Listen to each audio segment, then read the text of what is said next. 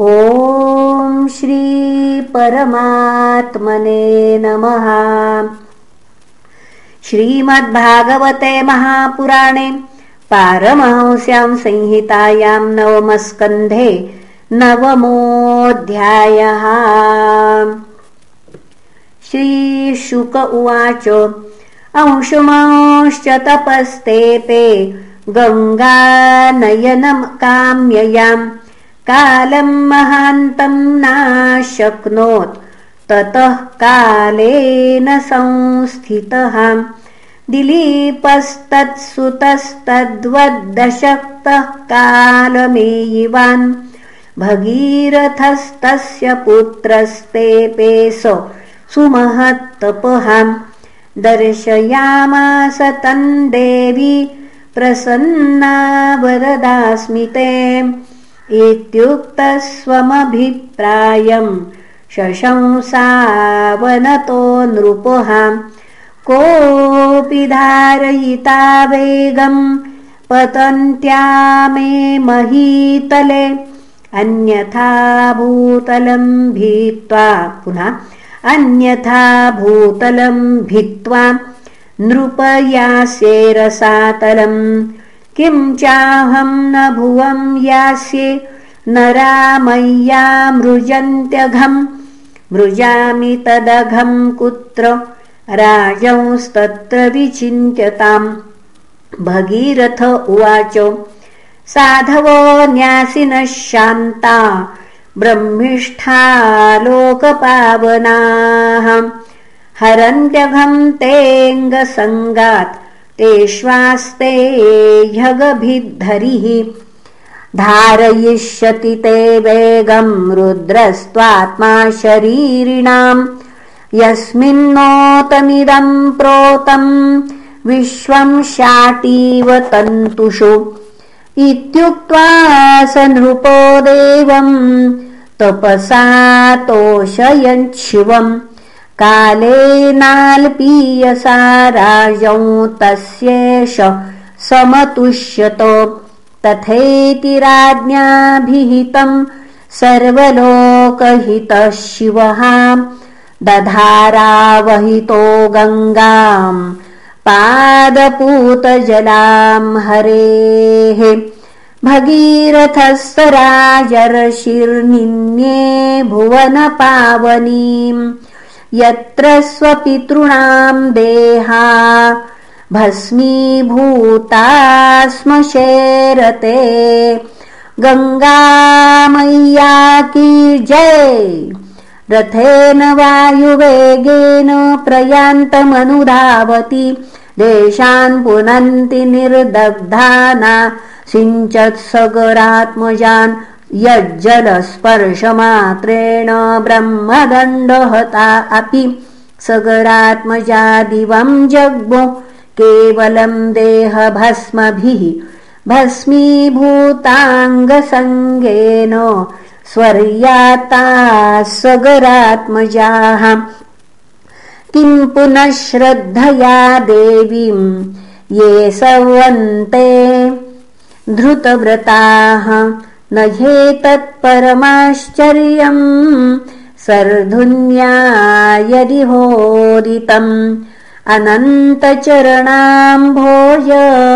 प्रसूताया भवच्छिदः सन्निवेश्य मनो यस्मिन् श्रद्धया मुनयोमलाः त्रैगुण्यम् दुस्त्यजम् हित्वा सद्यो यातास्तदात्मताम्। श्रुतो भगीरथाञ्जज्ञे तस्य नाभोपरोऽभवत् सिन्धुद्वीपस्ततस्तस्मादयुतायुस्ततोऽभवत् ऋतुपर्णो नलसखो योऽश्वविद्यामयान्नलात् दत्त्वाक्षहृदयम् चास्मै सर्वकामस्तु तत्सुतः। ततः सुदासस्तत्पुत्रो मदयन्ति पतिर्नृपम् आहुर्मित्रसहं यं वै कल्माशाङ्ग्रमुत क्वचित् वसिष्ठशापात्रक्षोऽभूदनपत्यस्वकर्मणा राजोवाच किन्निमित्तो गुरो शाप सौदासस्य महात्मनः। एतदवेदितुमिच्छाम कथ्यतां नरहो यदि। श्रीशुक उवाच। सौदासो मृगयाम् किञ्चिच्चरन् रक्षो जघानः। मुमोच भ्रातरम् सोऽथ गतः प्रतिचिकीर्षया स चिन्तयन्नघम् राज्ञः सूदरूपधरो गृहे। गुरवे भोक्तुकामाय पक्त्वा निन्येन रामिषम्। परिवेक्षमाणम् भगवान् विलोक्या भक्षमञ्जसा राजा नमशपत्क्रुद्धो रक्षो ह्येवम् भविष्यसि रक्षः कृतम् तद्विदित्वा चक्रे द्वादशवार्षिकम् सोऽप्यपोऽञ्जलिनादाय गुरुम् शप्तुम् समुद्यतः वारितो मदयन्त्यापो वृषतिम् पादयोर्जहौ दिशः खमवनिम् सर्वम् पश्यन् जीवमयम् नृपः राक्षसम् भावमापन्न पादे कल्माशताम् गतः। व्यवायकाले ददृशे वनौको दम्पती द्विजौ। क्षुधार्तो जगृहे विप्रम् तत्पत्न्याः कृतार्थवत् न भवान् राक्षसः साक्षादिक्ष्वाकूणाम् महारथः मदयन्त्याः पतिर्वीरो नाधर्मम् कर्तुमर्हसि। देहि मे पत्यकामाय अकृतार्थम् पतिम् द्विजम्। देहोऽयम् मानुषो राजन् पुरुषस्याखिलार्थदहाम्। तस्मादस्य वधो वीरो सर्वार्थवध उच्यते एष हि ब्राह्मणो विद्वांस्तप शीलगुणान्वितः। आरिराधयिषुर्ब्रह्मो महापुरुषसौदिकम् सर्वभूतात्मभावेन भूतेष्वन्तर्हितम् गुणैः। सोऽयम् ब्रह्मर्षिवर्यस्ते राजर्षिर्प्रवराद्विभो कथमर्हति धर्मज्ञ वधम् पितुरिवात्मजः तस्य साधोरपापस्य भ्रूणस्य ब्रह्मवादिनः। कथम् वधम् यथा बभ्रोर्मन्यते सन्मतो भवान् यद्ययम् क्रियते भक्षस्तर्हि माम् खादपूर्वतः। न जीविष्ये पुनः न जीविष्ये विनायेन क्षणम् च मृतकम् यथा। एवम् करुणभाषिण्या विलपन्त्या अनाथवत्। व्याघ्रः पशुमिवाखादत्।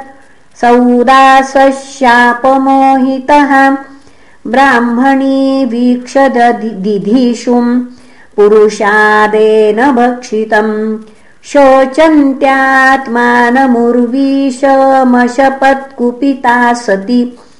यस्यान्मे भक्षितः पापो कामार्तायापतिस्त्वयाम् तवापि मृत्युराधानादकृतज्ञ पुनः तवापि मृत्युराधानादकृत प्रज्ञदर्शितः एवम् मित्रसहं शप्त्वा पतिलोकपरायणाम् तदस्थीनि समिद्धेऽग्नौ प्रास्य भर्तुर्गतिम् गताम् विशापो द्वादशाब्दान्ते मैथुनाय समुद्यतः विज्ञाय ब्राह्मणी शापम् महिष्यास निवारितः तत ऊर्ध्वम् स तत्याज श्रीसुखं कर्मणा प्रजाः।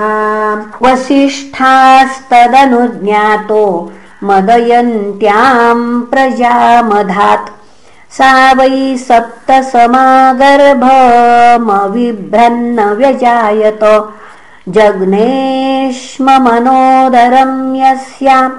सोष्मकस्तेन कथ्यते अश्मकान्मूलको जज्ञे यस्त्रीभिः परिरक्षिताः। नारीकवच इत्युक्तो निक्षत्रे मूलको भवत्। ततो दशरथस्तस्मात् पुत्र ऐडविडस्तुतहाम् राजा विश्वसहो यस्य खट्वाङ्गश्चक्रवर्त्यभूत् यो देवैरर्थितो दैत्यानवधीद युधि दुर्जयहाम्। मुहूर्तमायुज्ञात्वैत्य स्वपुरं सन्दधे मनः न मे ब्रह्मकुलात् प्राणा कुलदैवान्न चात्मजाः। न श्रियो न महीराज्यम् न दाराश्चातिवल्लभाः न बाल्येऽपि मतिर्मह्य। मधर्मे रमतो पुनः रमते क्वचित्। नापश्यमुत्तमश्लोकादन्यत्। किञ्चन वस्त्वहम् देवैः कामवरो दत्तो। मह्यम् त्रिभुवनेश्वरैः। न वृणेतमहम् कामम् भूतभावन भावनः ये विक्षिप्तेन्द्रियधियो देवास्ते स्वहृदि स्थितम्। न विन्दन्ति प्रियम् शश्वदात्मानम् किमुतापरे। अथेश मायारचितेषु सङ्गम्। गुणेषु गन्धर्वपुरोपमेषु रूढम् प्रकृत्यात्मनि विश्वकर्तुर्भावेन हित्वा तमहम् प्रपद्ये। इति व्यवसितो बुद्ध्या नारायणगृहीतयाम् हित्वान्यभावमज्ञानम् ततः स्वम् भावमाश्रितः। यत्तद्ब्रह्म परम् सूक्ष्म मशून्यम् शून्यकल्पितम् भगवान् वासुदेवेति यम् गृणन्ति हि सात्वताः। इति श्रीमद्भागवते महापुराणे पारमहंस्याम् संहितायाम् नवमस्कन्धे सूर्यवंशानुवर्णने नवमोऽध्यायः। श्रीकृष्णार्पणमस्तु हरये नमः हरये नमः हरये नमः